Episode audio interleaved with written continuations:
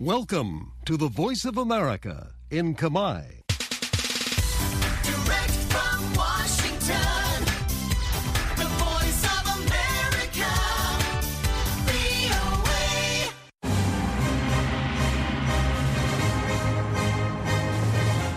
សួស្តីប្រិយមិត្តអ្នកស្ដាប់ជាទីមេត្រីនៅក្នុងកម្មវិធីផ្សាយតាមវិទ្យុរបស់ VOA នៅរាត្រីថ្ងៃសុក្រទី1ខែមីនាឆ្នាំ2024នេះខ្ញុំលីម៉ូរីវ៉ាន់និងសហការីនៃក្រុមផ្សាយជាខេមរៈភាសា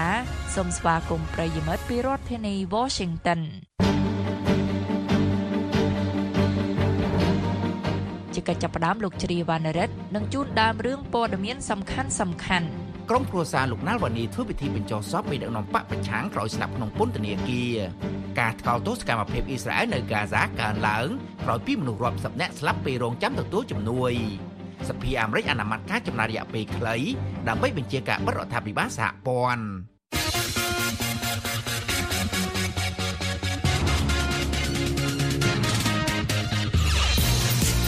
នៅក្នុងការផ្សាយរបស់ VOA នៅរាត្រីនេះយើងមានសេចក្តីរាយការណ៍អំពីសារព័ត៌មានភ្នំពេញ Post ប្រកាសឈប់បោះពុម្ពកាសែតដោយសារបញ្ហាហិរញ្ញវត្ថុអង្គការ Freedom House បានឲ្យដឹងថាកម្ពុជាបន្តស្ថិតក្រោមការដឹកនាំដោយប្រព័ន្ធឯកបកខណៈមានការគៀបសង្កត់លើក្រមជំទាស់ហើយនឹងសេចក្តីរាយការណ៍អំពីតើថ្ងៃបោះឆ្នោតបឋម Super Tuesday ជាអ្វីលោកអ្នកនាងនឹងបានស្ដាប់សេចក្តីរាយការណ៍ទាំងនេះនិងសេចក្តីរាយការណ៍ផ្សេងទៀតក្រោយព័ត៌មានអន្តរជាតិដែលនាំមកជូនដោយលោកជ្រាវណ្ណរិទ្ធចាសសូមអញ្ជើញលោកវណ្ណរិទ្ធបានអរគុណ សាច់ញាតិនិងក្រុមអ្នកគាំទ្រអតីតមេបកប្រឆាំងរុស្ស៊ីលោកអាឡេកស៊ីណាល់វ៉ានីបានធ្វើការគោរពលាសាកសពនៅក្នុងពិធីបុណ្យសពមួយនៅភូមិអាគ្នេយ៍ទីក្រុងមូស្គូនៅថ្ងៃសុក្រនេះក្រោយតវ៉ាជាមួយក្រុមអាជ្ញាធរដើម្បីយកសាកសពលោកមកធ្វើបុណ្យបន្ទាប់ពីការស្លាប់របស់លោកដោយគ្មានការពន្យល់នៅក្នុងពន្ធនាគារក្នុងតំបន់អាកតិចរួចមកក្រុមអ្នកគាំទ្រមេដឹកនាំបកប្រឆាំងរូបនេះនិយាយថាព្រះវិហារសាសនាគ្រឹះមួយចំនួនក្នុងរដ្ឋធានីមូស្គូ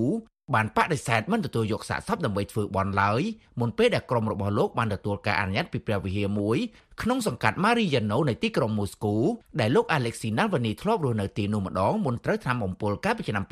2020និងមុនទៅព្យាបាលក្នុងប្រទេសអាល្លឺម៉ង់ហើយត្រូវបានចាប់ខ្លួនបន្ទាប់ពីលោកត្រឡប់មកកាន់រុស្ស៊ីវិញនោះព្រះវិហារសាសនាគ្រឹះ Mother of God Susie My Soros ដែលបានយល់ព្រមធ្វើពិធីបន់សពលោក Navalny មិនធ្វើអត្ថាធិប្បាយអ្វីឡើយលើបណ្ដាញសង្គមរបស់ខ្លួន ក្រុមអាជ្ញាធររុស្ស៊ីបានឈរនៅតាមដងផ្លូវមួយកន្លែងនៅជិតស្ថានីយ៍រថភ្លើងក្រោមដីដែលស្ថិតនៅជិតព្រះវិហារនោះនិងបានដាក់រនាំងបាំងផ្លូវនិងមានក្រុមប៉ូលីសបង្ក្រាបកុបកម្មជាច្រើនអ្នកត្រូវបានដាក់ពង្រាយនៅទីនោះផងដែរនៅព្រឹកព្រលឹមថ្ងៃសុក្រនេះពិធីបញ្ចុះសពមេបកប្រឆាំងរុស្ស៊ីរូបនេះក៏ត្រូវបានធ្វើឡើងផងដែរនៅកន្លែងបញ្ចុះសព Boris Sauskov ដែលគេឃើញមានក្រុមប៉ូលីសស្ថិតនៅទីនោះផងដែរ ម្ដាយលោកណាល់វ៉ានីអ្នកស្រីលីយុតមីឡាណាវ៉ាល់ណាយ៉ាបានចំណាយពេល8ថ្ងៃដើម្បីសូមអាជ្ញាធរឲ្យផ្ដល់សាកសពកូនប្រុសអ្នកស្រីមកធ្វើបន់ក្រោយពីលោកណាល់វ៉ានីបានស្លាប់ក្នុងពន្ធនាគារក្នុងទីក្រុងខាប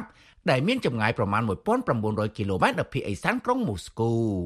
ក្រុមអាជ្ញាធរមុនដំបូងឡើយថាគេមិនអាចផ្ដល់សាកសពលោកណាល់វ៉ានីឲ្យក្រុមគ្រួសារឡើយពីព្រោះគេត្រូវការធ្វើតេស្តត្រួតពិនិត្យសាកសព ប៉ុន្តែម្ដាយរបស់លោកដែលមានវ័យ69ឆ្នាំបានអង្វរសុំតាមវីដេអូមួយទៅលោកប្រធានាធិបតីរុស្ស៊ី Vladimir Putin ដើម្បីសុំយកសាកសពកូនប្រុសមកធ្វើបន់និងបញ្ចុះសពដោយសេចក្តីថ្លៃថ្នូរមេដឹកនាំប្រទេសលោកខាងលិចជាច្រើនបានបន្ទោសមេដឹកនាំរុស្ស៊ីលើការស្លាប់របស់មេដឹកនាំបកប្រឆាំងរូបនេះតែវិមានក្រឹមឡាំងបានបដិសេធដោយក្តីខឹងសម្បា The voice of America.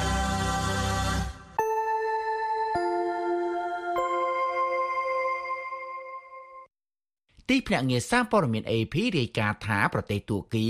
បានចូលរួមជាមួយប្រទេសអារ៉ាប៊ីសាអូឌីតអេស៊ីបនិងហ្ស័រដានីក្នុងការថ្កោលទោសកងកម្លាំងអ៊ីស្រាអែលដែលបានបាញ់លើជនជាតិប៉ាឡេស្ទីនដែលរងចាំការប្រគល់ជំនួយ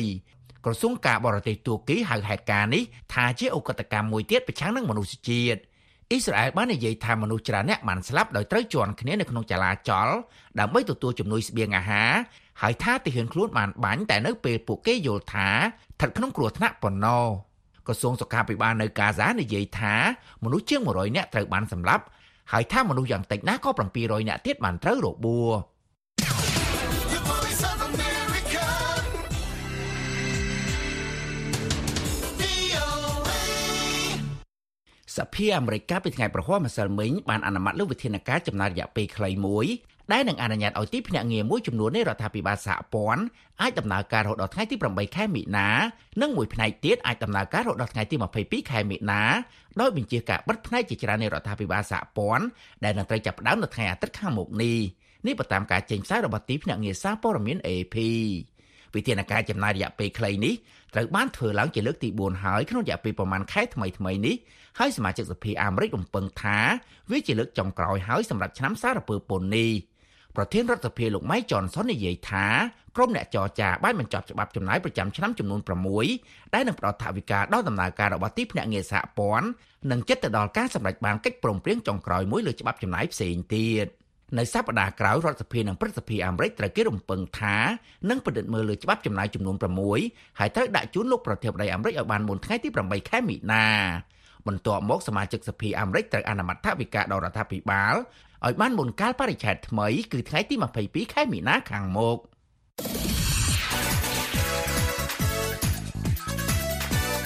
VOA កាលពីថ្ងៃប្រហ័សចៅក្រមសហព័ន្ធម្នាក់បានរើរាំងច្បាប់ថ្មីមួយនៃរដ្ឋ Texas ដែលបានផ្ដល់អំណាចទូលំទូលាយឲ្យពួកប៉ូលីសចាប់ខ្លួនក្រុមជនអន្តោប្រវេសន៍ដែលជាប់សង្ស័យថា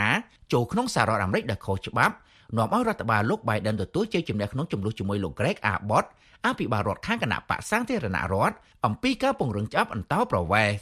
ដីកាបង្គាប់ដំបូងចេញដោយចៅក្រមថ្នាក់ស្រុកនៃតុលាការសហព័ន្ធសហរដ្ឋអាមេរិកលោក David Ezra បានផ្អាកច្បាប់មួយមានកំណត់ចូលជាធរមាននៅថ្ងៃទី5ខែមិនិនា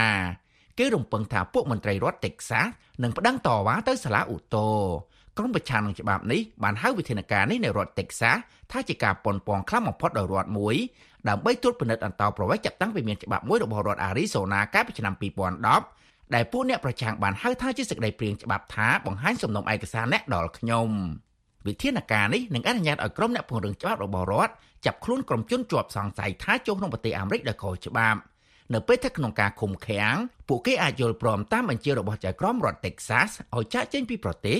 ឬប្រឈមនឹងការចាប់ពីបទល្មើសមជ្ឈិមដោយសារបានចូលក្នុងអាមេរិកដោយខុសច្បាប់ពួកជនចំណាក់ស្រុកដែលមិនបានចេញពីអាមេរិកនៅក្រៅត្រូវបានបញ្ជាឲ្យចេញអាចត្រូវចាប់ខ្លួនទៀត និងត្រូវចោទប្រកាន់ពីបទល្មើសធ្ងន់ធ្ងរជាងមុនក្នុងរឿងដាច់ដោយឡែកមួយទៀតពួកមន្ត្រីសន្តិសុខអាមេរិកកាំងកំពុងប្រុងប្រៀបទប់ទល់នឹងកិច្ចប្រតិបត្តិការយ៉ាងលឿនដើម្បីផ្លាស់ប្តូរផ្នត់គំនិតដែលប្រព្រឹត្តឡើងដោយក្រុមប្រចាំមិត្តជាច្រើនដែលមានគោលបំណងធ្វើឲ្យមានផលប៉ះពាល់លើការបោះឆ្នោតប្រធានាធិបតីក្នុងពេលខាងមុខ នាយក FBI លោក Christopher Wray បានប្រមានថ្មីថ្មីបំផុតអំពីការប៉ុនប៉ងជិតជែកចុះក្នុងកិច្ចការអ្នកបោះឆ្នោតអាមេរិកកាំង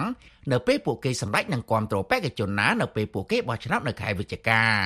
លោកបាននិយាយប្រាប់ការប្រជុំមួយនៃក្រុមអ្នកធ្វើការប្រចាំអាជីពខាងសន្តិសុខកាលពីថ្ងៃប្រហ័សថាបច្ចេកវិទ្យាដូចជាបញ្ញាសិប្បនិមិត្តជាដើមបានគម្រាមកំហែងជាស្រេចរួចហើយការប្រមាននេះបានបញ្ចេញសារជាថ្មីនៅកង្វល់ត្រូវលើកឡើងកាលពីដើមសប្តាហ៍នេះ ដោយសមាជិកសភាជាន់ខ្ពស់ម្នាក់និងដោយសេតវិមានដែលបានកំណត់ប្រទេសរុស្ស៊ីជាមុខសញ្ញា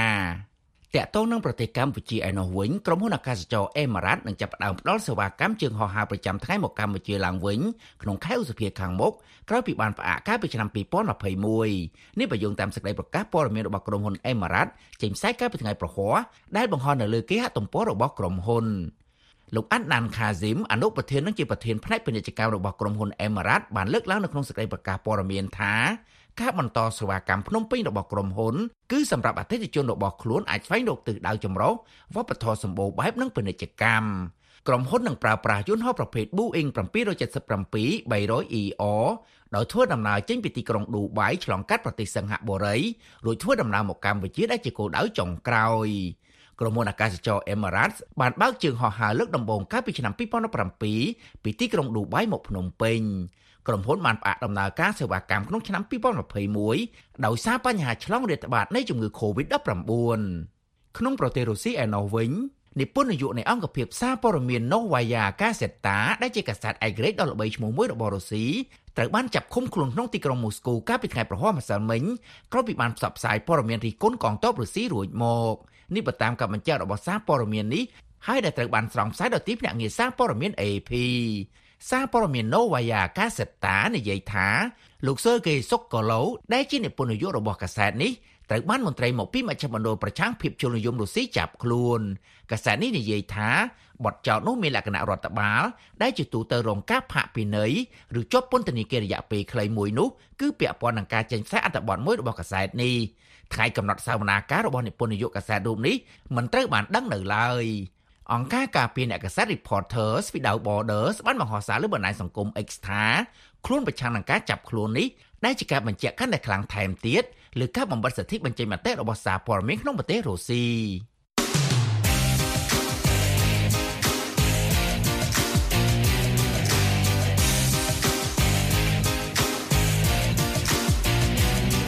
អស់លោកអ្នកនាងជាទីមេត្រីនៅក្នុងការផ្សាយរបស់ VOA ជាបន្តបន្ទាប់ទៅនេះលោកអ្នកនាងនឹងបានស្ដាប់សេចក្តីរាយការណ៍អំពីសារព័ត៌មានភ្នំពេញ Post ប្រកាសឈប់បោះពុម្ពកាសែត ដោយសារបញ្ហាហិរញ្ញវត្ថុអង្គការ Freedom House បានឲ្យដឹងថាកម្ពុជាបន្តស្ថិតក្រោមការដឹកនាំដោយប្រព័ន្ធឯកបកខណៈមានការគៀបសង្កត់លើក្រមជំទាស់ហើយនឹងសេចក្តីរាយការណ៍អំពីតើថ្ងៃបោះឆ្នោតបឋម Super Tuesday ជាអ្វីហើយនៅក្នុងការផ្សាយ30នាទីចុងក្រោយរបស់យើងខ្ញុំយើងមានសេចក្តីរាយការណ៍អំពីការបដូរទីតាំងរបស់ក្រុមហ៊ុនចិនទៅសង្ហបុរីរងការរិះគន់ថាកុំឲ្យឃើញពាក់ព័ន្ធនឹងចិន ដោយប្រឈមនឹងឧបសគ្គពីក្រមឧទាមរបបយោធាមីយ៉ាន់ម៉ាបានអនុវត្តច្បាប់កាតព្វកិច្ចយោធាក្រុមប្រឹក្សាត្រួតពិនិត្យជំរុញឲ្យក្រុមហ៊ុនមេតាគិតគូរឡើងវិញពីគោលការណ៍របស់ខ្លួន លើព័ត៌មានកែច្នៃកេងចំណេញក្នុងឆ្នាំបោះឆ្នោតដ៏សំខាន់ហើយនឹងសេចក្តីរាយការណ៍អំពីការចូលឆ្នាំរោមរបស់ចិនមិនមានភាពតានតឹងសម្រាប់ចិនដីគោកនិងតៃវ៉ាន់នៅអាហ្វ្រិកខាងត្បូងនោះទេ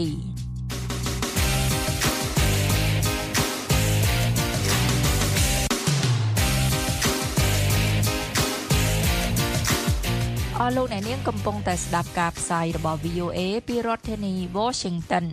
បន្ទាប់ពីដំណើរការអស់រយៈពេលជាង30ឆ្នាំកាសែតភ្នំពេញ Post បានប្រកាសបញ្ឈប់ការបោះពុម្ពផ្សាយជាកាសែតទាំងភាសាខ្មែរនិងអង់គ្លេសត្រឹមចុងខែមីនានេះដោយសារតែបញ្ហាហិរញ្ញវត្ថុក៏ប៉ុន្តែសារព័ត៌មានភ្នំពេញ Post នៅតែបន្តការផ្សាយរបស់ខ្លួនលើប្រព័ន្ធអនឡាញ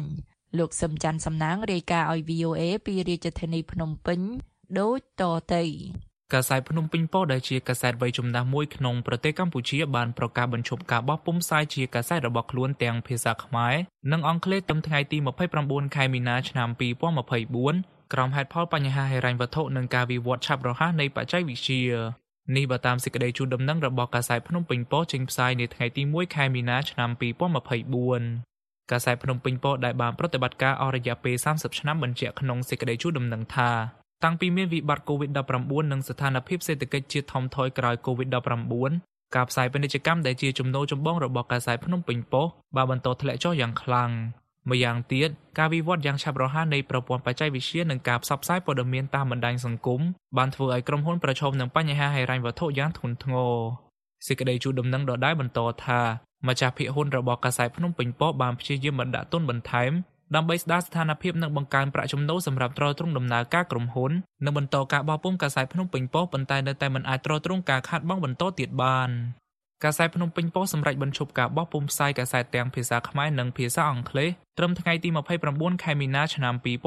2024នេះបើតាមសេចក្តីជូនដំណឹងចាងវាងកាសែតភ្នំពេញប៉ុស្តិ៍លោកលីតៃសេងប្រាប់ VOA នៅថ្ងៃសុក្រនេះថា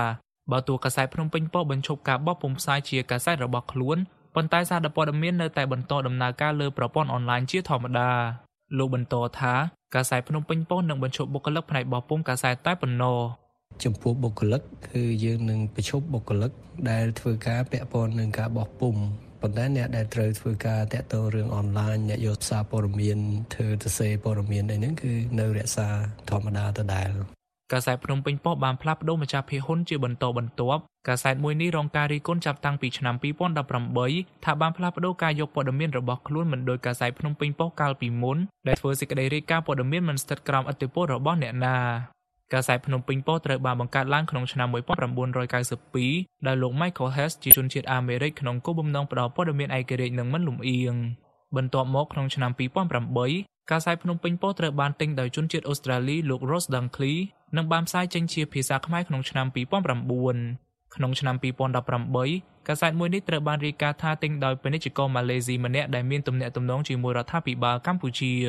ចាប់តាំងពីពេលនោះមកគេមិនដឹងច្បាស់ឡើយថាតើកាសែតភ្នំពេញប៉ុស្តិ៍មានម្ចាស់ភាគហ៊ុនជាអ្នកណា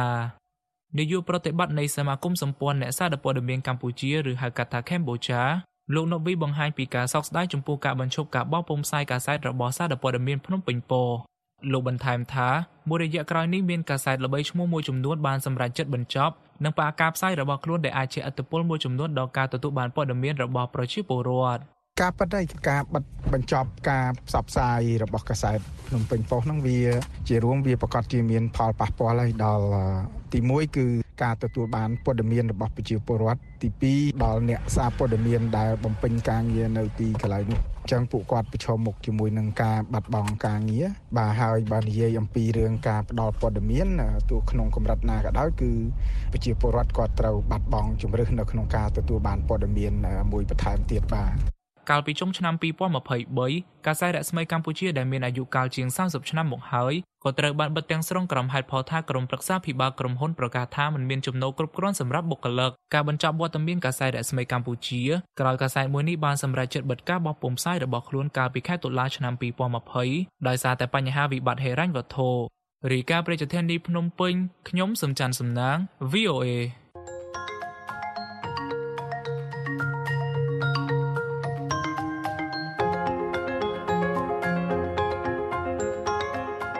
សូមស្វាគមន៍មកកាន់កម្មវិធី podcast កម្ពុជាសម្លឹងទៅមុខរដូវកាលទី2ប្រិមិត្តជាទីមេត្រីកាលពីរដូវកាលទី1អស់លោកអ្នកនាងបានស្ដាប់កម្មវិធី podcast កម្ពុជាសម្លឹងទៅមុខដល់ទៅ16ភាគដែលក្រុមអ្នកស្រាវជ្រាវកម្ពុជាឆ្នើមនិងវ័យក្មេងជាច្រើនអ្នកបានពិភាក្សានិងបកស្រាយអំពីទស្សនវិស័យនិងសក្តានុពលដែលជំរុញឲ្យមានការផ្លាស់ប្តូរវិជ្ជមានលើវិស័យនានាក្នុងប្រទេសកម្ពុជារាប់ទាំងវិស័យអប់រំសេដ្ឋកិច្ចសុខាភិបាលការទូតបរិស្ថាននិងអភិបាលកិច្ចជាដើមរដូវកាលទី2របស់យើងនឹងបដោតលើប្រធានបទធំមួយដែលយើងហៅថាវប្បធម៌ Digital ឬជាភាសាអង់គ្លេស Digital Culture និយាយទៅវាសំដៅលើឱកាសនិងកត្តាប្រឈមនៃការប្រើប្រាស់បច្ចេកវិទ្យានានាដើម្បីដោះស្រាយបញ្ហាប្រឈមក្នុងសង្គមនិងជំរុញឲ្យមានការផ្លាស់ប្តូរវិជ្ជមានជាបន្តបន្ទាប់ហើយជាពិសេសបង្កើនលទ្ធភាពឲ្យកម្ពុជាសម្រេចបាននូវគោលដៅអភិវឌ្ឍរបស់ខ្លួនក្នុងគ្រប់វិស័យដោយរដូវកាលទី1ដែរលោកអ្នកនាងអាចស្ដាប់ podcast កម្ពុជាសម្លឹងទៅមុខវប្បធម៌ Digital ឬ Digital Culture នេះតាម Apple Podcast Google Podcast Spotify និងតាមគេហទំព័ររបស់យើង khmer.vnews.com/envisioncambodia digital culture ហើយសូមកុំភ្លេច subscribe សូមអរគុណ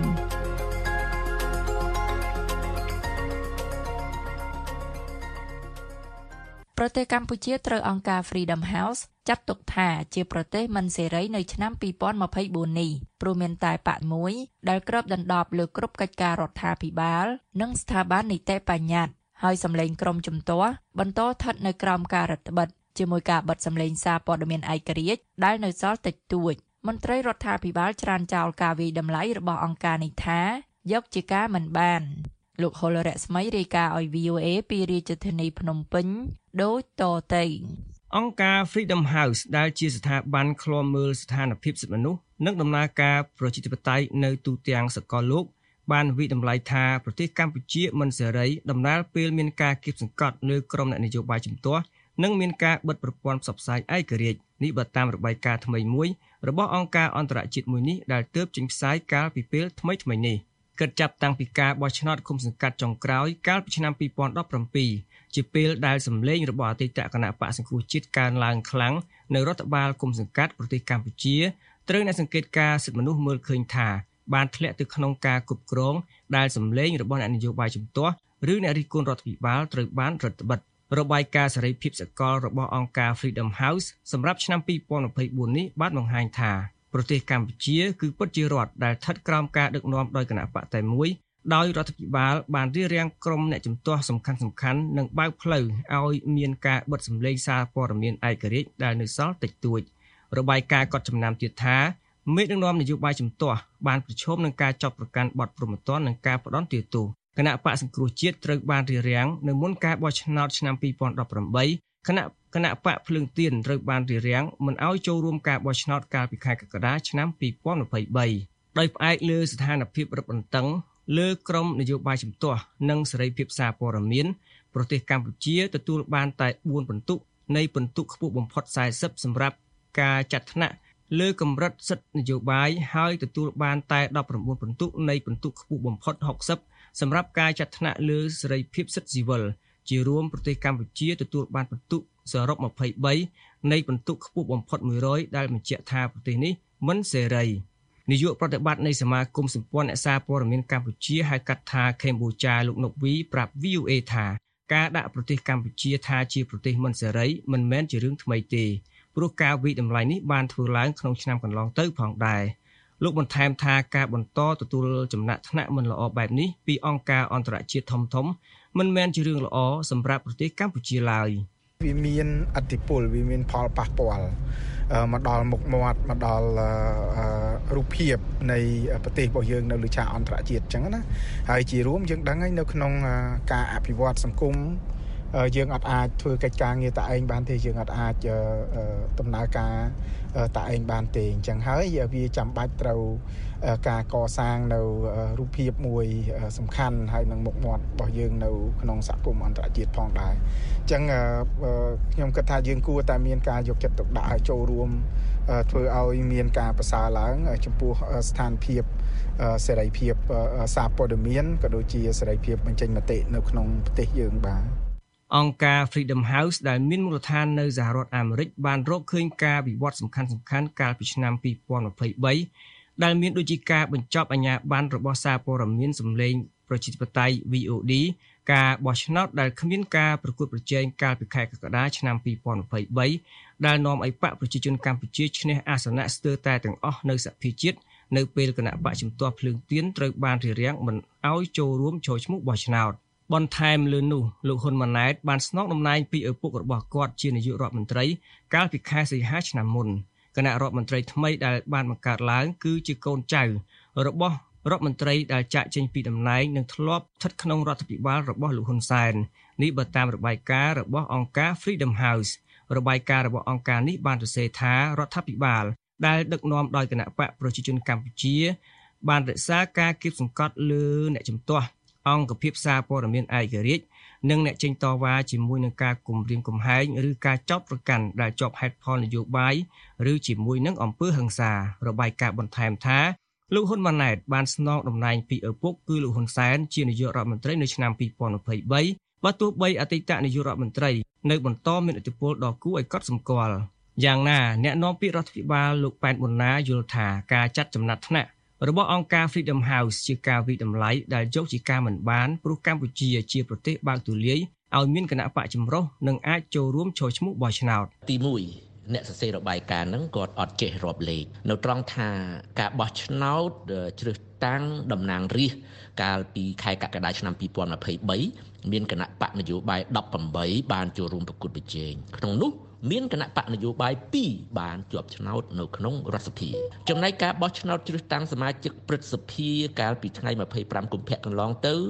មានគណៈបកនយោបាយ4បានចូលរួមប្រកួតប្រជែងនិងមានគណៈបក2បានជាប់ឆ្នោតតើអង្គការនេះគាត់ចេះរាប់លេខទេបានជាហៅប្រទេសកម្ពុជាថាជាប្រទេសដែលដឹកនាំដោយឯកបកដោយសារតែគាត់រាប់លេខខុសនឹងហើយដែលធ្វើឲ្យរបាយការណ៍របស់គាត់នឹងអស់តម្លៃ លោកបន្ថែមថានៅលើលោកនេះគ្មានប្រទេសណាមួយដែលផ្ដល់អភ័យឯកសិទ្ធិដល់អ្នកបើកគណៈបកនយោបាយឬអង្គភាពព័ត៌មានឲ្យរួចខ្លួនពីការទទួលខុសត្រូវចំពោះមុខច្បាប់នោះទេនិងថាប្រទេសកម្ពុជាជាប្រទេសដែលដើរតាមគោលការណ៍ប្រជាធិបតេយ្យសេរីពហុបកយ៉ាងខ្ជាប់ខ្ជួនហើយគោលការណ៍នេះបានកំពុងតែចាក់ឫសជ្រៅទៅជ្រៅទៅនៅក្នុងសង្គមកម្ពុជា និងបានផ្ដល់ផលប្រយោជន៍ជាច្រើនដល់ប្រជាពលរដ្ឋ ក៏ប៉ុន្តែនាយកទូតអង្គការការពារសិទ្ធិមនុស្សលីកាដូលោកអំសំអាតយល់ថារបាយការណ៍របស់អង្គការ Freedom House លើកនេះមិនខុសគ្នាខ្លាំងពីរបាយការណ៍មុនមុនហើយក៏ស្រដៀងគ្នានឹងរបាយការណ៍របស់អង្គការសិទ្ធិមនុស្សអន្តរជាតិផ្សេងទៀតដែលបានបន្តលើកឡើងម្ដងហើយម្ដងទៀតថាលំហប្រជាធិបតេយ្យស្ថានភាពនៃការគោរពសិទ្ធិមនុស្សនៅកម្ពុជានៅមានកម្រិតដែលតម្រូវឲ្យរដ្ឋាភិបាលត្រូវខិតខំថែមទៀត ក្នុងការស្ដារឲ្យមានវឌ្ឍនភាពនៃប្រជាធិបតេយ្យនិងការគោរពសិទ្ធិមនុស្សនៅក្នុងប្រទេសដើម្បីជំរុញការអភិវឌ្ឍប្រទេសកាលពីឆ្នាំ2023អង្គការ Freedom House ក៏បានវិតម្លៃដែរថាកម្ពុជាជាប្រទេសមិនសេរីដោយទទួលបាន24ពិន្ទុលើ100ពិន្ទុដោយសារតែដំណើរការមិនទៅមុខនៃប្រព័ន្ធប្រជាធិបតេយ្យសេរីនៅក្នុងប្រទេសរាយការណ៍ពីរាជធានីភ្នំពេញខ្ញុំហុលរស្មី VOA ួ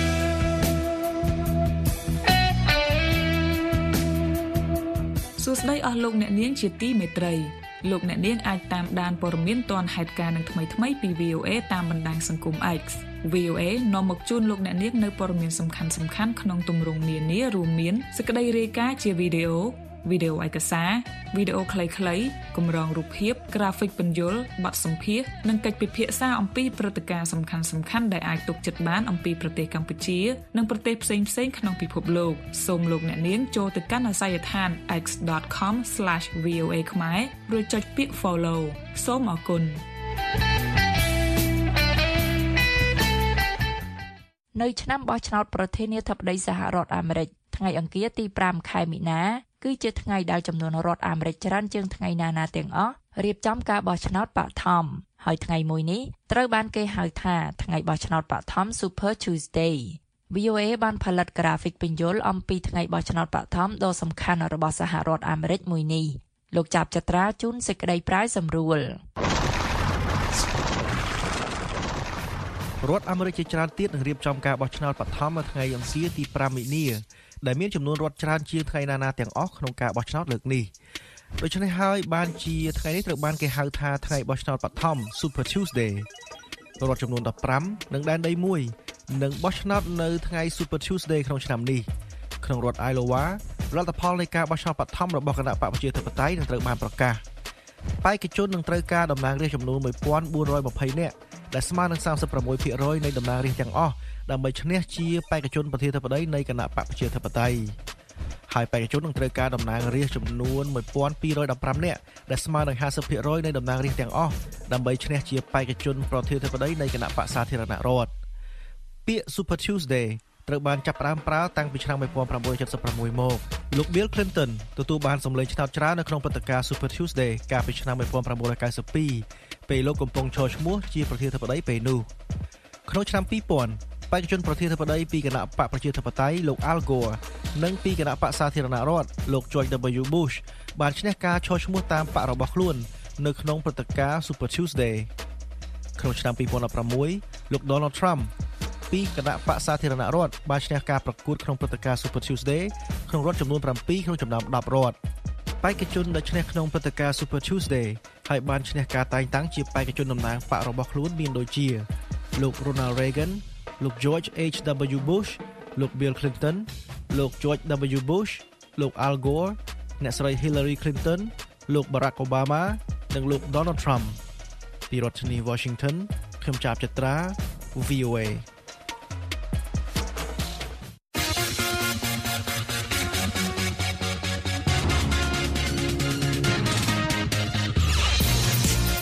អស់លោកអ្នកនាងជាទីមេត្រីនៅក្នុងការផ្សាយរបស់ VOA ជាបន្តបន្ទាប់ទៅនេះយើងខ្ញុំមានសេចក្តីរាយការណ៍អំពីការបដូរទីតាំងរបស់ក្រុមហ៊ុនចិនទៅសង្ហបុរី រងការរិះគន់ថាកុំឲ្យឃើញពាក់ព័ន្ធនឹងចិនដោយប្រឈមនឹងឧបសគ្គពីក្រមឧទាមរបបយោធាមីយ៉ាន់ម៉ាបានអនុវត្តច្បាប់កាតព្វកិច្ចយោធា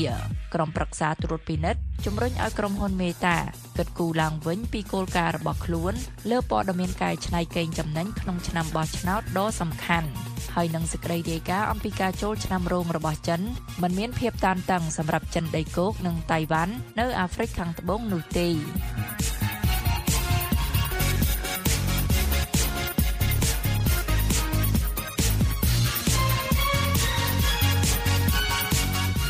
សិង្ហបុរីបានក្លាយជាមជ្ឈមណ្ឌលហិរញ្ញវត្ថុកម្ពុជានៅអាស៊ីនិងធំបំផុតទី3នៅលើពិភពលោកដោយក្រុមហ៊ុននានាជាពិសេសក្រុមហ៊ុនចិន បានបដូរទីស្នាក់ការរបស់ខ្លួនទៅទីនោះ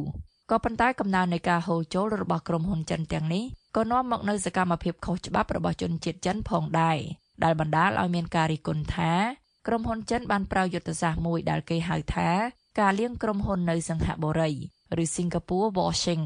ដោយចុះបញ្ជីក្រុមហ៊ុនរបស់ខ្លួននៅសង្ហបុរីដើម្បីបិទបាំងកុំឲ្យឃើញថាខ្លួនពាក់ព័ន្ធជាមួយប្រទេសចិន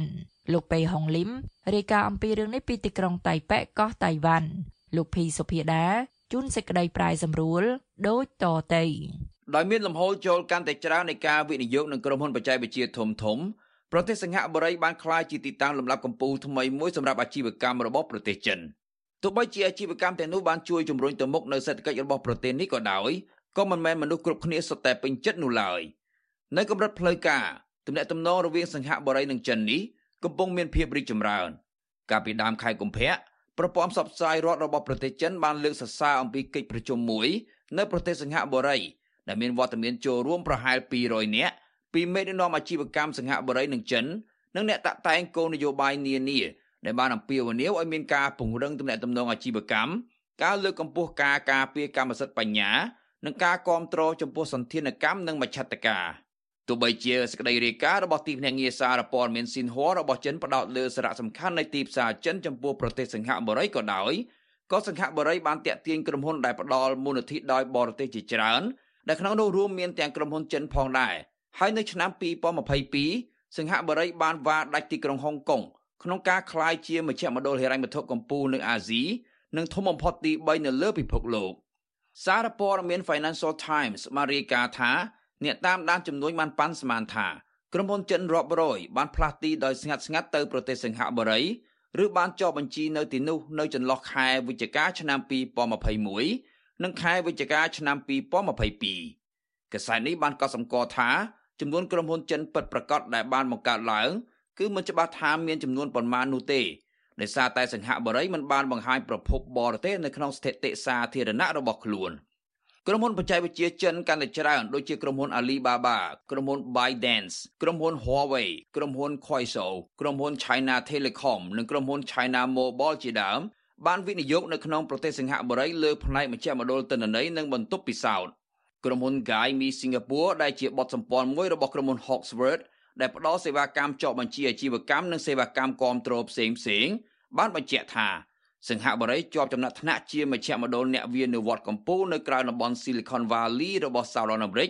ដោយក្រុមហ៊ុន80ក្នុងចំណោមក្រុមហ៊ុនបច្ចេកវិទ្យា100របស់ពិភពលោកមានទីស្នាក់ការនៅទីនោះទោះបីជាអាជីវកម្មត្រូវបានគេស្វាគមន៍ក៏ដោយក៏អ្នករិះគន់បាននិយាយថាលំហូរចូលនៃដើមទុនយ៉ាងច្រើនរបស់ចិនបានបណ្ដាលឲ្យមានការកើនឡើងនៅសកម្មភាពខុសច្បាប់នៅក្នុងប្រទេសសិង្ហបុរីដែលនេះគឺបង្ហាញឲ្យឃើញអំពីបញ្ហានៃវិធានការគ្រប់គ្រងរបស់ប្រទេសនេះ អ្នកស្រីអាយ៉ាអាដាឈីនាយកអង្គការ Mapping China បានប្រាប់ VOA ថាប្រទេសសិង្ហបុរីបានបង្ហាញនៅស្ថាប័នសាជីវកម្មថ្មីមួយនៅឆ្នាំ2020ដែលមានឈ្មោះថា Variable Capital Company VCC ដែលមានបំណងតាក់ទាញទ្រព្យសកម្មរបស់អ្នកគ្រប់គ្រងមូលនិធិនិងការិយាល័យគ្រួសារដែលបានចុះបញ្ជីនៅក្នុងដែនយុត្តាធិការដែលបងពុនទៀបដូចជាកោះ Cayman Islands និងប្រទេសលុចសំបួរជាដើម អ្នកស្រីអាដាឈីដែលអង្គការរបស់អ្នកស្រីឃ្លាំមើលកិច្ចការបរទេសនិងសេដ្ឋកិច្ចរបស់ប្រទេសចិន បានថ្លែងថាការផ្លាស់ប្តូរបរិយាកាសបទបញ្ញត្តិរបស់សិង្ហបុរីបានតាក់ទាញសកម្មភាពខុសច្បាប់របស់ចិនកាន់តែច្រើនប៉ុន្តែជាក់ស្ដែងនោះមិនមែនជាចេតនារបស់រដ្ឋាភិបាលសិង្ហបុរីតាំងពីដំបូងនោះទេអ្នកស្រី Mera Martini អ្នកជំនាញផ្នែកស្រាវជ្រាវនិងគោលនយោបាយនៃអង្គការដំឡាភិបអន្តរជាតិ Transparency International ដែលជាអង្គការប្រឆាំងអំពើពុករលួយ បានប្រាប់សារព័ត៌មាន Financial Times ថាហានិភ័យរបស់ស្ថាប័ន VCC គឺថាពួកគេជាធម្មតាដំណើរការដោយប្រអប់ខ្មៅអញ្ចឹងហើយអាចមានភាពតាក់ទាញខ្លាំងសម្រាប់អ ுக ្រិតជនពុករលួយ និងអ ுக ្រិតជនដទៃទៀតសារព័ត៌មាន Straits Times របស់សង្ហបុរីបានរាយការណ៍ថាកាលពីខែសីហាឆ្នាំមុនសង្ហបុរីបានរកឃើញករណីលាងលុយកខ្វក់ដ៏ធំបំផុតក្នុងប្រវត្តិសាស្ត្ររបស់ខ្លួន ដែលពាក់ព័ន្ធនឹងសាច់ប្រាក់និងទ្រព្យសម្បត្តិចំនួន3000លានដុល្លារហើយជនសង្ស័យចំនួន10នាក់ដែលត្រូវបានចាប់ខ្លួនគឺជាជនជាតិចិននៅក្នុងអត្ថបទមួយដែលចេញផ្សាយនៅលើ website ព័ត៌មាន Asia Sentinel កាលពីដើមខែកុម្ភៈលោក Andy Wong Min Chun បានបញ្ជាក់ថាក្រុមហ៊ុនចិនប្រើប្រាស់ក្រុមហ៊ុនដែលបានចុះបញ្ជីនៅក្នុងប្រទេសសិង្ហបុរីដើម្បីធ្វើឲ្យអាជីវកម្មរបស់ពួកគេមើលទៅដូចជាមិនសូវមានទំនាក់ទំនងជាមួយប្រទេសចិន។ ដែលនេះជាដំណើរការដែលគេហៅថាការលៀងក្រុមហ៊ុននៅសិង្ហបុរីឬ Singapore washing លោកបានសរសេរថារឿងនេះកំពុងបង្កផលវិបាកខាងការទូតនិងគេឈ្មោះសម្រាប់សិង្ហបុរីគណៈដែនទឹកភូមិសាស្ត្រនយោបាយរវាងចិននិងក្រុងបស្ចិមប្រទេសជាពិសេសសហរដ្ឋអាមេរិកកាន់តែមានភាពច្របូកច្របល់កម្មវិធីចែកផ្សាយវីដេអូតាមអនឡាញ TikTok បានបដូរទីស្នាក់ការកណ្ដាលនៅអាស៊ីរបស់ខ្លួនពីទីក្រុងប៉េកាំងទៅកាន់ប្រទេសសិង្ហបុរី នៅចំពេលដែលមានការកើនឡើងនៃការត្រួតពិនិត្យលើក្រុមហ៊ុន ByteDance ដែលជាក្រុមហ៊ុនមេរបស់ខ្លួននៅប្រទេសចិននិងចំពេលដែលមានសំណួរថាតើ TikTok អាចការពារទិន្នន័យរបស់អ្នកប្រើប្រាស់ពីការជ្រៀតជ្រែករបស់រដ្ឋាភិបាលចិនដែរឬក៏អត់ទោះបីជាយ៉ាងណាក៏ដោយអ្នកខ្លះជឿថាការរិះគន់រឿងលៀងក្រុមហ៊ុននៅសង្ហបុរីនេះមានចេតនាសម្លឹងមើលការវិនិយោគរបស់ចិនដោយការលាបពណ៌ លោកតាន់ខីគៀបប្រធានគណៈកម្មាធិការជាតិសង្ហបុរីសម្រាប់កិច្ចសហប្រតិបត្តិការសេដ្ឋកិច្ច Pacific បានលើកឡើងថាក្រុមហ៊ុនពហុជាតិរបស់អឺរ៉ុបនិងអាមេរិកក៏បានមកវិនិយោគនៅប្រទេសសង្ហបុរីផងដែរ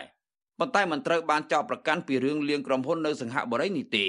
ហើយការចោទប្រកាន់នេះក៏មិនបានធ្វើឡើងចំពោះក្រុមហ៊ុនជប៉ុននិងកូរ៉េខាងត្បូងដែលបានបដូរទីស្នាក់ការកណ្ដាលក្នុងតំបន់របស់ពួកគេទៅសង្ហបុរីផងដែរ លោកបានសួរថាហេតុអ្វីបានជាកំណត់យកតែប្រទេសចិនជាគោលដៅលោកបានបញ្ជាក់ថាហេតុផលគឺដោយសារតែចិនអាចមានប្រព័ន្ធនយោបាយនិងគុណតម្លៃខុសពីអឺរ៉ុបនិងសហរដ្ឋអាមេរិកអតីតរដ្ឋមន្ត្រីក្រសួងយុទ្ធភ័ពសង្ហបុរីលោក Walter Woon យល់ស្របចំពោះការលើកឡើងបែបនេះលោកបានថ្លែងដូចនេះថាពិតណាស់នឹងមានមនុស្សមួយចំនួនប្រើប្រាស់សង្ហបុរីជាមូលដ្ឋានប៉ុន្តែវាមិនកំណត់ចំពោះតែជនជាតិចិននោះទេដោយប្រទេសដែលជាមជ្ឈមណ្ឌលហិរញ្ញវត្ថុផ្សេងទៀតផងដែរ តួយ៉ាងដូចជាប្រទេសស្វីសជាដើមអ្នកនឹងឃើញក្រុមជាក់លាក់មួយចំនួនជាមិនខានសូម្បីតែសហរដ្ឋអាមេរិកក៏មិនអាចគេចពីមនុស្សទុច្ចរិតដែលបង្កើតនិងប្រើអាមេរិកជាមូលដ្ឋានបានដែរអ្នកស្រី Adachi នៃអង្គការ Mapping China បាននិយាយថាសង្ហបុរីចង់រក្សានៅរូបភាពអព្យាក្រឹតផ្នែកនយោបាយខណៈដែលកំពុងប្រឹងប្រែងបញ្ឈប់ការកើនឡើងនៃសកម្មភាពឧក្រិដ្ឋកម្មពីប្រទេសចិនដែលករណីនេះអាចបង្ខំសង្ហបុរីឲ្យផ្លាស់ប្ដូរទិសដៅរបស់ខ្លួន អ្នកស្រីបានថ្លែងថាក្នុងកម្រិតខ្លះខ្ញុំគិតថារដ្ឋាភិបាលសង្ហបុរីត្រូវប្រឈមនឹងការដាក់ចេញនូវវិធានការតឹងរឹងដើម្បីទប់ស្កាត់សកម្មភាពខុសច្បាប់របស់ជនជាតិចិនទាំងនេះមិនឲ្យកើតឡើងហើយការធ្វើបែបនេះអាចនឹងផ្ទុយពីគំនិតនៃការរក្សាឲ្យបាននៅបរិយាកាសបទបញ្ញត្តិមួយដែលមានភាពសេរីនិងមិនសូវមានភាពស្មុគស្មាញពីរដ្ឋធានី Washington ខ្ញុំភីសុភាដា VOA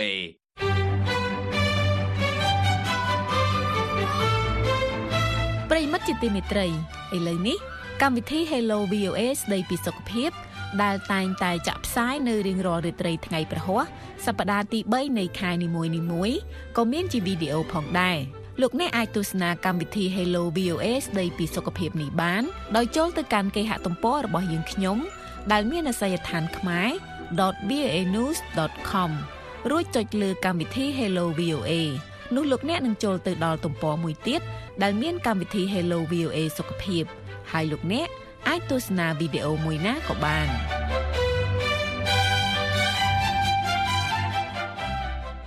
របបយោធាមីយ៉ាន់ម៉ាកាលពីពេលថ្មីថ្មីនេះបានចាប់ផ្ដើមអនុវត្តច្បាប់កាតព្វកិច្ចយោធារបស់ប្រទេស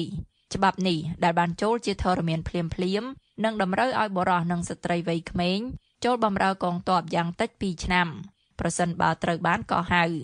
នៅក្រោមច្បាប់នេះនរណាដែលកិច្ចពីកាតព្វកិច្ចនេះនឹងមានទោសជាប់ពន្ធនាគារពី3ទៅ5ឆ្នាំនិងរងការផាកពិន័យច្បាប់នេះត្រូវបានដាក់ឲ្យអនុវត្តបន្ទាប់ពីរបបយោធាមីយ៉ាន់ម៉ាបានជួបនឹងឧបសគ្គដ៏ធំបំផុតតាំងពីពេលដែលចំនួននៅទូទាំងប្រទេសបានផ្ទុះឡើងនៅក្រោយរដ្ឋប្រហារយោធាឆ្នាំ2021មកទីភ្នាក់ងារសារព័ត៌មាន AP រាយការណ៍អំពីរឿងនេះពីទីក្រុងបាងកកប្រទេសថៃ លោកម៉ែនកឹមសេងជួនសេចក្តីប្រាយសម្រួលដូចតទៅរដ្ឋាភិបាលយោធាមីយ៉ាន់ម៉ាកាលពីថ្ងៃទី10ខែកុម្ភៈកន្លងទៅនេះបានចាប់ផ្ដើមអនុវត្តជាលើកដំបូងបង្អស់នៅច្បាប់កាតព្វកិច្ចយោធា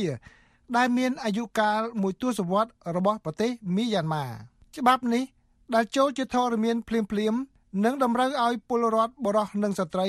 ចូលបម្រើកងទ័ពយ៉ាងតិច2ឆ្នាំប្រសិនបើត្រូវបានកោះហៅ នេះបើយោងតាមសេចក្តីរាយការណ៍របស់ទីភ្នាក់ងារសារព័ត៌មាន AP ការប្រកាសអំពីវិធានការនេះតាមទូរទស្សន៍រដ្ឋគឺស្មើនឹងការទទួលស្គាល់ដ៏ធំមួយ បើទោះបីជាមិនបានបង្ហើបក៏ដោយថាយោធាមីយ៉ាន់ម៉ាកំពុងប្រឹងប្រែងយ៉ាងត្រដាបត្រដួសនៅក្នុងការទប់ស្កាត់និងការបះបោររបស់ក្រុមតស៊ូប្រដាប់អាវុធនៅទូទាំងប្រទេស ប្រឆាំងនឹងការដឹកនាំរបស់ខ្លួន នៅក្រោមច្បាប់សេវាយោធាប្រជាជន ឆ្នាំ2010 ដែលបានអនុម័តនៅក្រោមរដ្ឋាភិបាលយោធាពីមុន គឺបរិះអាយុចាប់ពី18ដល់45ឆ្នាំ និងស្ត្រីអាយុពី18ដល់35ឆ្នាំ អាចត្រូវបានកេណ្ឌឲ្យចូលបម្រើកងទ័ពរយៈពេល2ឆ្នាំ និងអាចពន្យាបន្ថែមរហូតដល់ទៅ5ឆ្នាំ ក្នុងអំឡុងពេលមានស្ថានភាពបន្ទាន់ថ្នាក់ជាតិក្រុមប្រឹក្សាយោធាដឹកនាំប្រទេសមីយ៉ាន់ម៉ានៅពេលបច្ចុប្បន្នដែលហៅថាក្រុមប្រឹក្សារដ្ឋបាលរដ្ឋ បានឡើងកាន់អំណាចនៅឆ្នាំ2021បន្ទាប់ពីបានធ្វើរដ្ឋប្រហារទម្លាក់រដ្ឋាភិបាលស៊ីវិលដែលជាប់ឆ្នោតតាមបែបប្រជាធិបតេយ្យរបស់អ្នកស្រីអងសានស៊ូជីច្បាប់កាតព្វកិច្ចយោធានេះត្រូវបានដាក់ឲ្យអនុវត្តបន្ទាប់ពីយោធាបានជួបឧបសគ្គដ៏ធំបំផុតតាំងពីពេលដែលចំនួននៅទូទាំងប្រទេស បានផ្ទុះឡើងនៅក្រោយរដ្ឋប្រហារយោធាមកការវាយប្រហារដ៏ភ្ញាក់ផ្អើលមួយដែលបានចាប់ផ្ដើមកាលពីខែតុលាឆ្នាំមុន ដោយសម្ព័ន្ធភាពអង្គការជនជាតិភៀតតិចប្រដាប់អាវុធបានដណ្ដើមកាន់កាប់ដែនដីមួយផ្នែកធំនៅភាគឦសានប្រទេសមីយ៉ាន់ម៉ាតាមបណ្ដោយព្រំដែនជាប់ប្រទេសចិនក្នុងរយៈពេលតិចជាង3ខែឧបសគ្គនេះបានជំរុញទឹកចិត្តកងកម្លាំងតស៊ូនៅតាមផ្នែកផ្សេងផ្សេងនៃប្រទេសមីយ៉ាន់ម៉ាឲ្យចាប់ផ្ដើមវាយប្រហារផ្ទាល់ខ្លួនរបស់ពួកគេ កាលពីពេលថ្មីថ្មីនេះការប្រយុទ្ធគ្នានៅក្នុងរដ្ឋរខាញ់នៅភាគខាងលិច បានបណ្ដាលឲ្យកងកម្លាំងសន្តិសុខរដ្ឋរាប់រយនាក់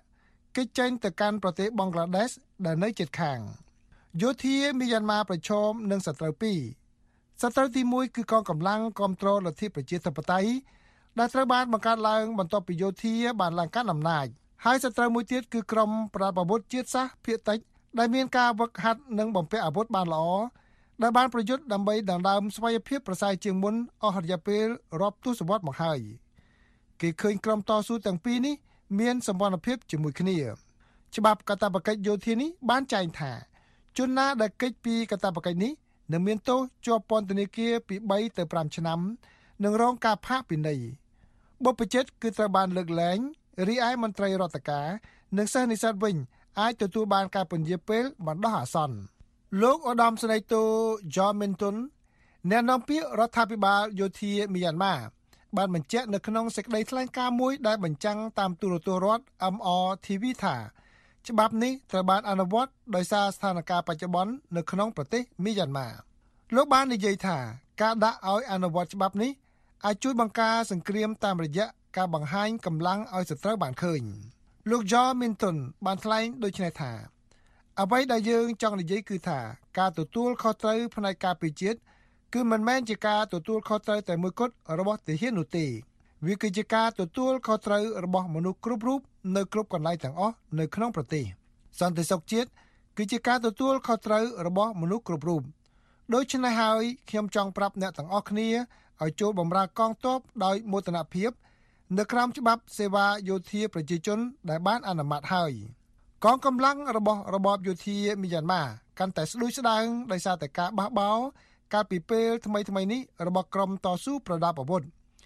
គេជឿថាការធ្លាក់ចុះនេះគឺបណ្ដាលមកពីការស្លាប់និងរងរបួសនឹងការរត់ចោលជួរបើទោះបីជាគេមិនដឹងថាការធ្លាក់ចុះនេះមានទំហំប៉ុណ្ណាក៏ដោយកាលពីខែកញ្ញាឆ្នាំមុនក្រសួងការពារជាតិរបស់រដ្ឋាភិបាលរួបរวมជាតិដែលជាអង្គការនយោបាយនាំមុខនៃក្រមតស៊ូដែលដើរតួជារដ្ឋាភិបាលស្រមោលរបស់មីយ៉ាន់ម៉ាបានបញ្ជាក់ថា ទាហានមីយ៉ាន់ម៉ាជាង14000នាក់បានរត់ចោលជួរតាំងពីរដ្ឋប្រហារឆ្នាំ2021មកគេឃើញមានសេចក្តីរាយការណ៍កាលពីពេលថ្មីថ្មីនេះទាំងនៅក្នុងប្រព័ន្ធផ្សព្វផ្សាយឯករាជ្យនិងនៅក្នុងប្រព័ន្ធផ្សព្វផ្សាយដែលមានទំនោរទៅរកក្រុមតស៊ូប្រឆាំងការបង្ខំជ្រើសរើសយុវជនក្មេងៗនៅតាមតំបន់ទីក្រុងឲ្យចូលបម្រើកងទ័ពទស្សនាវដ្តីព័ត៌មានអនឡាញ Frontier Myanmar បានរាយការណ៍កាលពីខែមករាថាទោះបីជាទំហំនៃការជ្រើសរើសនេះមិនច្បាស់លាស់ក៏ដោយក៏គេឃើញមានសេចក្តីរាយការណ៍នានាដែលចែកផ្សាយនៅលើបណ្ដាញសង្គមអនឡាញថាបរោះបរោះត្រូវបានគេឃុំឃាំងនិងបង្ខំឲ្យចូលបម្រើកងទ័ពសូម្បីតែនៅក្នុងទីក្រុងរងហ្គូនដែលជាបេះដូងពាណិជ្ជកម្មរបស់មីយ៉ាន់ម៉ាក៏ដោយដោយករណីនេះបានបង្កឲ្យមានការក្រានរំលឹកកុំឲ្យមានការចេញទៅខាងក្រៅនៅពេលយប់នៅក្នុងទីក្រុងនោះ ការធ្វើរដ្ឋប្រហារដណ្ដើមអំណាចរបស់យោធាមីយ៉ាន់ម៉ាកាលពីឆ្នាំ2021បានបណ្ដាលឲ្យមានការតវ៉ាអហិង្សានិងការមិនស្ដាប់បង្គាប់អាជ្ញាធរនៅទូទាំងប្រទេសមីយ៉ាន់ម៉ាប៉ុន្តែការប្រជុំមុខដាក់គ្នាបានរីករាលដាលคล้ายជាអំពើហិង្សាបន្ទាប់ពីកងកម្លាំងសន្តិសុខបានប្រើកម្លាំងបែបប្រឡ័យលើក្រុមអ្នកតវ៉ាដោយបណ្ដាលឲ្យឈានដល់ការបង្កើតក្រុមតស៊ូប្រដាប់អាវុធ ដែលមានការចាត់តាំងដែលคล้ายទៅជាសង្គ្រាមស៊ីវិលពីរដ្ឋធានី Washington ខ្ញុំម៉ែនកឹមសេង VOA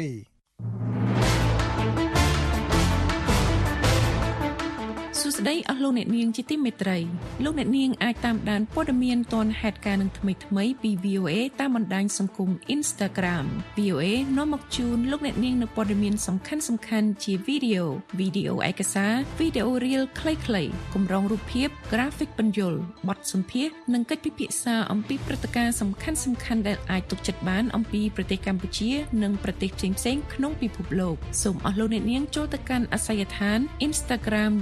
instagram.com/voa ខ្មែររួចចុចពាក្យ follow សូមអរគុណក្រុមប្រឹក្សាភិបាលត្រួតពិនិត្យនៃក្រុមហ៊ុនមេតាដែលជាម្ចាស់កម្មសិទ្ធិលើបណ្ដាញសង្គម Facebook បានផ្ដល់អនុសាសន៍មួយចំនួនដល់ក្រុមហ៊ុននេះឲ្យកែប្រែគោលការណ៍បច្ចុប្បន្នរបស់ខ្លួន ជំវិញការផ្សាយព័ត៌មានមិនពិតជាច្រើនសន្ធឹកសន្ធាប់ស្ដីពីបញ្ហាបោះឆ្នោតក្នុងប្រទេសជាច្រើននៅជុំវិញពិភពលោកដែលប្រព្រឹត្តធ្វើទៅក្នុងឆ្នាំ2024នេះ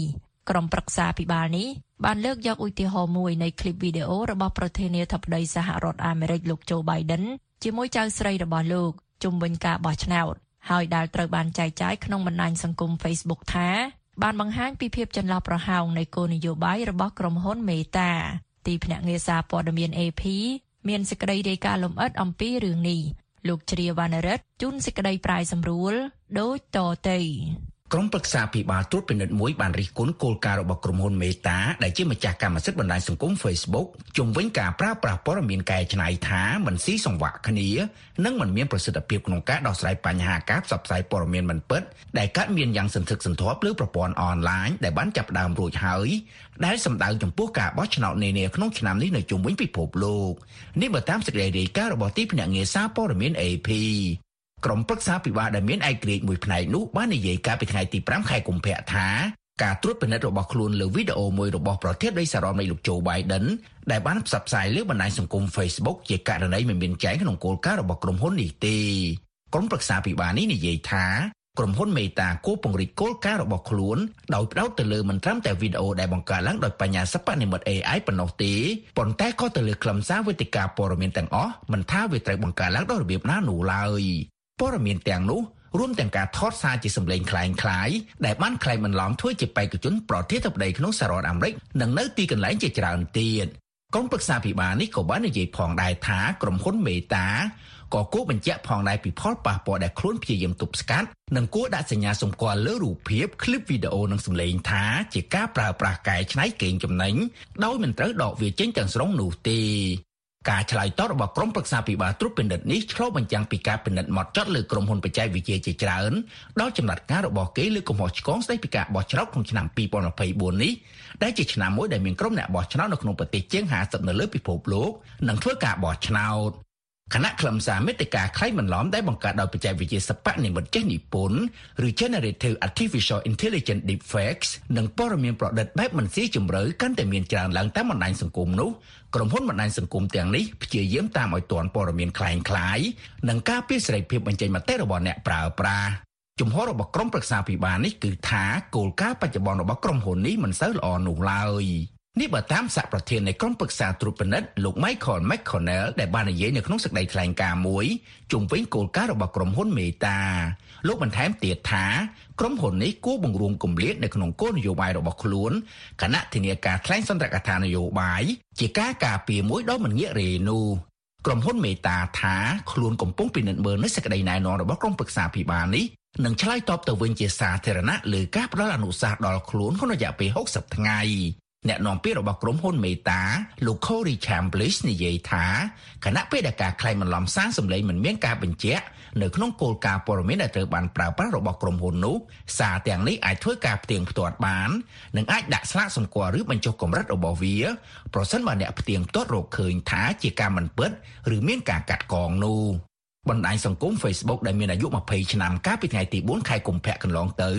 នៅតែស្ថិតជាបណ្ដាញសង្គមដែលមានប្រជាប្រិយភាពបំផុតសម្រាប់ពលរដ្ឋអាមេរិកក្នុងការទទួលបានព័ត៌មាននេះបើតាមការឲ្យដឹងរបស់វិទ្យាស្ថានស្រាវជ្រាវ Pew ប៉ុន្តែបណ្ដាញសង្គមផ្សេងផ្សេងទៀតដែលក្នុងនោះក៏មានប្រព័ន្ធ Instagram របស់ក្រុមហ៊ុន Meta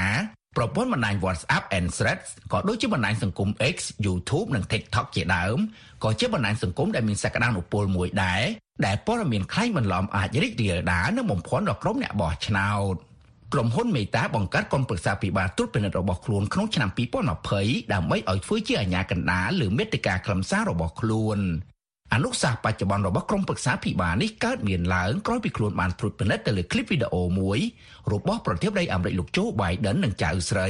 ដែលមានការកាត់កងដែលធ្វើឲ្យមានការភ័ន្តច្រឡំតែមិនបានបំពេញទៅលើគោលការណ៍របស់ក្រុមហ៊ុនឡើយពីព្រោះវាមិនបានបង្ហាញខុសពីអ្វីដែលលោកបាននិយាយនោះឡើយ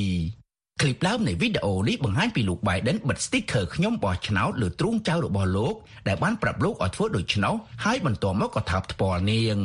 ប៉ុន្តែคลิปវីដេអូដែលគេបង្ហោះលើ Facebook ត្រូវបានកាត់កងដកចេញនូវខ្លឹមសារសំខាន់របស់វាដែលធ្វើឲ្យវាមើលទៅដូចជាថាលោកបានប៉ះចៅស្រីក្នុងលក្ខណៈមិនសមរម្យទៅវិញការសម្ដែងរបស់ក្រុមប្រឹក្សាពិបាលនេះកាលពីថ្ងៃទី5ខែកុម្ភៈកន្លងទៅបានរក្សាទុកនូវសេចក្តីសម្ដែងរបស់ក្រុមហ៊ុនមេតាកាលពីឆ្នាំ2023ដែលបានដកคลิปវីដេអូដែលមានរយៈពេល7វិនាទីនេះចេញពីបណ្ដាញសង្គម Facebook ដោយសារតែវាមិនបានរំលោភបំពានលើគោលការណ៍ប្រើប្រាស់ព័ត៌មានដែលមានរួចហើយរបស់ក្រុមហ៊ុនមួយនេះ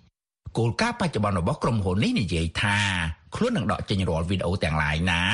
ដែលប្រើប្រាស់ឧបករណ៍បញ្ញាសិប្បនិម្មិត AI ដែលបង្ហាញខុសនៅសន្ទរកថាដើមរបស់នរណាម្នាក់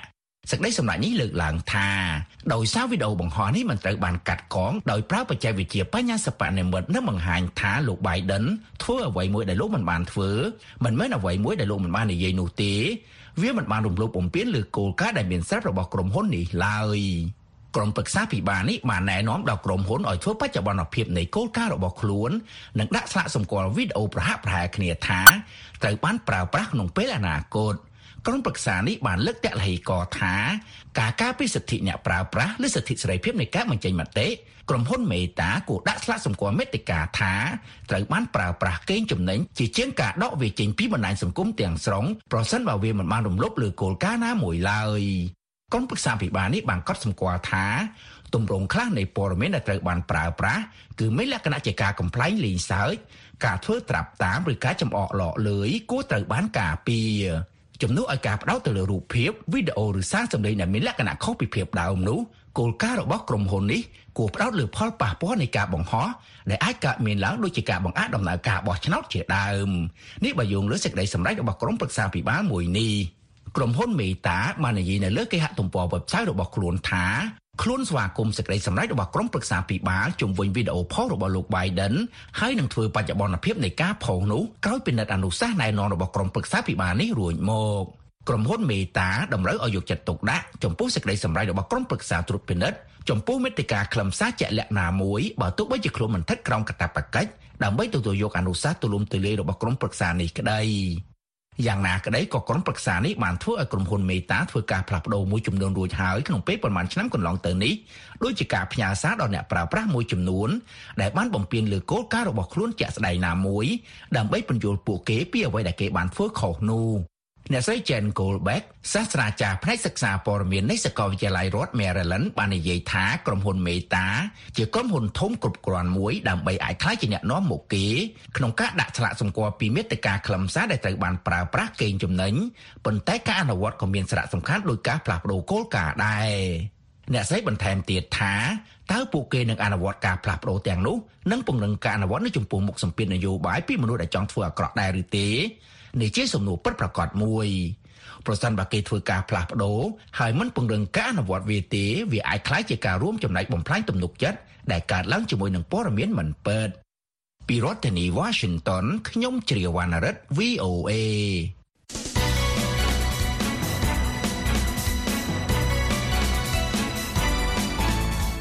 ប្រិយមិត្ត VOA ជាទីមេត្រី VOA ខេមរៈភាសាទើបបានបង្កើតទំព័ររបស់ខ្លួននៅលើបណ្ដាញសង្គម Telegram ដែលនាំមកជូនលោកអ្នកនៅព័ត៌មានសំខាន់សំខាន់និងថ្មីថ្មីបំផុត អំពីប្រទេសកម្ពុជា អំពីសហរដ្ឋអាមេរិកនិងព័ត៌មានអន្តរជាតិនានាក្នុងពិភពលោកសូមលោកអ្នកចូលទៅកាន់អាស័យដ្ឋាន t.me/voa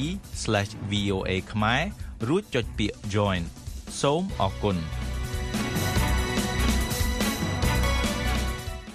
ជាមួយនឹងសង្គ្រាមដែលកំពុងឆាបឆេះនៅទ្វីបអឺរ៉ុបនិងមជ្ឈិមបូព៌ាទស្សនវិជ្ជានៃការប៉ះទង្គិចគ្នារវាងចិននិងតៃវ៉ាន់ដែលអាចទាញអាមេរិកចូលទៅក្នុងចំនួនថ្មី ជាក្តីកង្វល់របស់ពិភពលោកក៏ប៉ុន្តែនៅអាហ្វ្រិកខាងត្បូងដែលមានការធ្វើអន្តោប្រវេសន៍ដោយជនជាតិចិនជាច្រើនសតវត្សមកហើយគេឃើញមានការរួបរวมគ្នាមិនមែនការបែកបាក់គ្នានោះទេ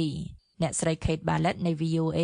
រាយការណ៍អំពីការប្រារព្ធពិធីចូលឆ្នាំចិនពីទីក្រុង Bronkhorstbrug នៃប្រទេសអាហ្វ្រិកខាងត្បូងអ្នកនាងស្រីលក្ខណាជួនសេចក្តីប្រាយសម្រួលដូចតទៅមនុស្សរាប់ពាន់នាក់ទៅព្រះវិហារព្រះពុទ្ធសាសនាតៃវ៉ាន់មួយនៅខាងក្រៅទីក្រុង Johannesburg ដើម្បីចូលរួមប្រារព្ធពិធីបុណ្យចូលឆ្នាំរោងពុទ្ធសាសនិកមកពីតៃវ៉ាន់ឈ្មោះ Fu Guangshan បានសាងសង់ប្រាសាទនេះ ប៉ុន្តែនៅក្នុងពិធីបុណ្យចូលឆ្នាំថ្មីគេមិនឃើញមានការបែកបាក់គ្នារវាងតៃវ៉ាន់និងចិននោះទេលោក Erwin Pon គឺជាជនជាតិចិនចំនួនទី4សញ្ជាតិអាហ្វ្រិកខាងត្បូងនិងជាប្រធានសមាគមចិននៅខេត្តកួងថេងនៅអាហ្វ្រិកខាងត្បូង I think the one unifying factor here for many of the Chinese that come ខ្ញុំគិតថាមានការរួបរวมនៅទីនេះសម្រាប់ជនជាតិចិនជាច្រើនដែលមកពីជុំវិញពិភពលោកមិនថាតៃវ៉ាន់ចិនហុងកុងជនជាតិចិនក្នុងស្រុកនោះទេ គឺពួកគេមានគំនិតរួមគ្នានៅទីនេះនៅអាហ្វ្រិកខាងត្បូងដូច្នេះហើយមានការរួបរวมគ្នាខ្លាំងណាស់ជនចំណាក់ស្រុកចិនមកអាហ្វ្រិកខាងត្បូងនៅចុងទសវត្សរ៍1800និងដើមទសវត្សរ៍1900នៅក្នុងសម័យជីករកមាសនៅក្នុងទីក្រុង Johannesburg ក្រោយមកនៅទសវត្សរ៍1980និង1990ជនជាតិតៃវ៉ាន់បកបង្កើតរោងចក្រវាយនភ័ណ្ឌនិងកាត់ដេរការធ្វើចំណាក់ស្រុកពីចិនដីគោកទៅអាហ្វ្រិកខាងត្បូងមានកាន់តែច្រើននៅពេលរដ្ឋាភិបាលចិន បើកចំហទ្វារចំពោះពិភពលោកនៅដើមទសវត្សរ៍2000នេះគឺជាផ្នែកមួយនៃគម្រោងក្រវ៉ាត់ផ្លូវពាណិជ្ជកម្មរបស់ប្រធានាធិបតីចិនលោកស៊ីជីងពីងនៅឆ្នាំ2013មិនមានតនន័យជំរឿនផ្លូវការនោះទេប៉ុន្តែលោកផនថាជនជាតិចិនសញ្ជាតិអាហ្វ្រិកខាងត្បូងក្នុងស្រុកមានប្រហែល10000នាក់ហើយចំនួននេះអាចឡើងដល់ប្រមាណ2សែនទៅ3សែននាក់បើរាប់ទាំងជនជាតិចិននិងអ្នកជំនួញដែលស្នាក់នៅបណ្ដោះអាសន្ននៅក្នុងប្រទេសលោក Daniel Lee ដែលមានឪពុកម្ដាយមកពីតៃវ៉ាន់ហើយលោកកើតនៅអាហ្វ្រិកខាងត្បូងបានថ្លែងថា It's Chinese New Year វាជាថ្ងៃចូលឆ្នាំចិនមិនមានការបែងចែករវាងចិនដីគោកនិងតៃវ៉ាន់ទេយើងមានវប្បធម៌ដូចគ្នាលោក Howard Su ដែលឪពុកម្ដាយមកពីខេត្ត Fujian ប្រទេសចិនក៏កើតនៅអាហ្វ្រិកខាងត្បូងផងដែរលោកស៊ូថាអាចមានភាពតានតឹងរវាងចិននិងតៃវ៉ាន់ប៉ុន្តែសាសនាអាចជួយបាន The politics is definitely a very tough question to answer but what's incredible is នយោបាយជាសំណួរដ៏ពិបាកឆ្លើយប៉ុន្តែអ្វីដែលមិនគួរឲ្យជឿនោះគឺពុទ្ធសាសនាបាននាំមនុស្សគ្រប់គ្នាមកទីនេះទោះបីជាមានចិត្តសាសនិងនយោបាយអ្វីក៏ដោយគ្រប់គ្នាគឺប្រៀបដូចជាគ្រួសារធំមួយអញ្ចឹងនៅទីនេះអ្នកនាងស៊ីមអានជេលេឈូអូកេថាក្រុមវេស្កនិងរបាំនៃព្រះវិហារនេះបានសម្ដែងជូនលោកប្រធានាធិបតីចិននៅពេលលោកបំពេញទស្សនកិច្ចផ្លូវរដ្ឋនៅអាហ្វ្រិកខាងត្បូងកាលពីឆ្នាំមុនអ្នកនាងឈូអូកេថាលោកស៊ីជីងពីងបានចោទសួរថាតើអ្នករៀនវីស្កចិននៅឯណា ហើយក្រោយមកលោកថាការវីស្កចិននេះគេប្រើដើម្បីអបអរព្រឹត្តិការណ៍ផ្សេងផ្សេងឬការពីសម័យសង្គ្រាមគេក៏ធ្លាប់វាយស្គរផងដែរអ្នកខ្លះបារម្ភថាសង្គ្រាមអាចនឹងចាប់ផ្ដើមម្ដងទៀតពិសេសបន្ទាប់ពីបេក្ខជនប្រធានាធិបតីដែលចិនមិនពេញចិត្តបានឈ្នះការបោះឆ្នោតតៃវ៉ាន់កាលពីខែមុនប៉ុន្តែនៅចម្ងាយរាប់ម៉ឺនគីឡូម៉ែត្រនៅអាហ្វ្រិកខាងត្បូងនេះចម្ងាយនឹងពេលវេលាបាននាំមកនូវភាពសុខដុមរមនានៅក្នុងចំណោមកូនចៅរបស់ប្រជាជនមកពីចិនដីគោកនិងតៃវ៉ាន់ ពីរដ្ឋធានី Washington ខ្ញុំស្រីលក្ខិណា VOA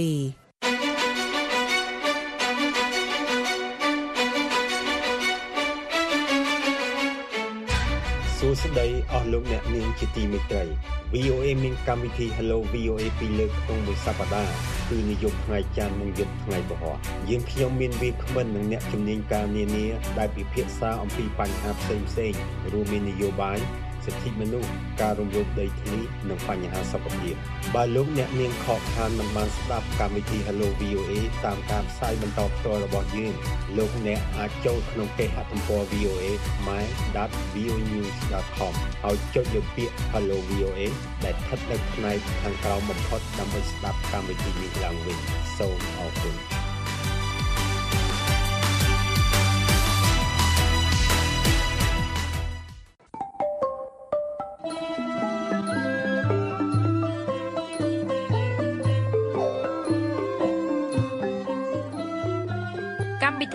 របស់ VOA នៅវេលាយប់នេះចប់តែត្រឹមណេះក៏ប៉ុន្តែលោកអ្នកនាងនៅអាចស្ដាប់ឬអានព័ត៌មានរបស់ VOA ឡើងវិញបាន តាមរយៈគេហទំព័ររបស់យើងដែលមានអាសយដ្ឋាន ខ្មែរ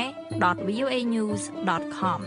សំលោកអ្នកនាងរងចាំស្ដាប់សេចក្តីរាយការណ៍ព័ត៌មានជាតិនិងអន្តរជាតិរបស់ VOA នៅក្នុងការផ្សាយបន្តផ្ទាល់របស់យើងខ្ញុំនៅព្រឹកស្អែកទៀត ពីម៉ោង5ដល់ម៉ោង5:30នាទីតាមរលកវិទ្យុ31និង49ម៉ែត្រត្រូវនឹងកម្រិត9320 5915និង1575 kHz សំឡេងអ្នកនាងប្រកបដោយសេចក្តីសុខនិងសុភមង្គលគ្រប់ប្រការរាត្រីសួស្តី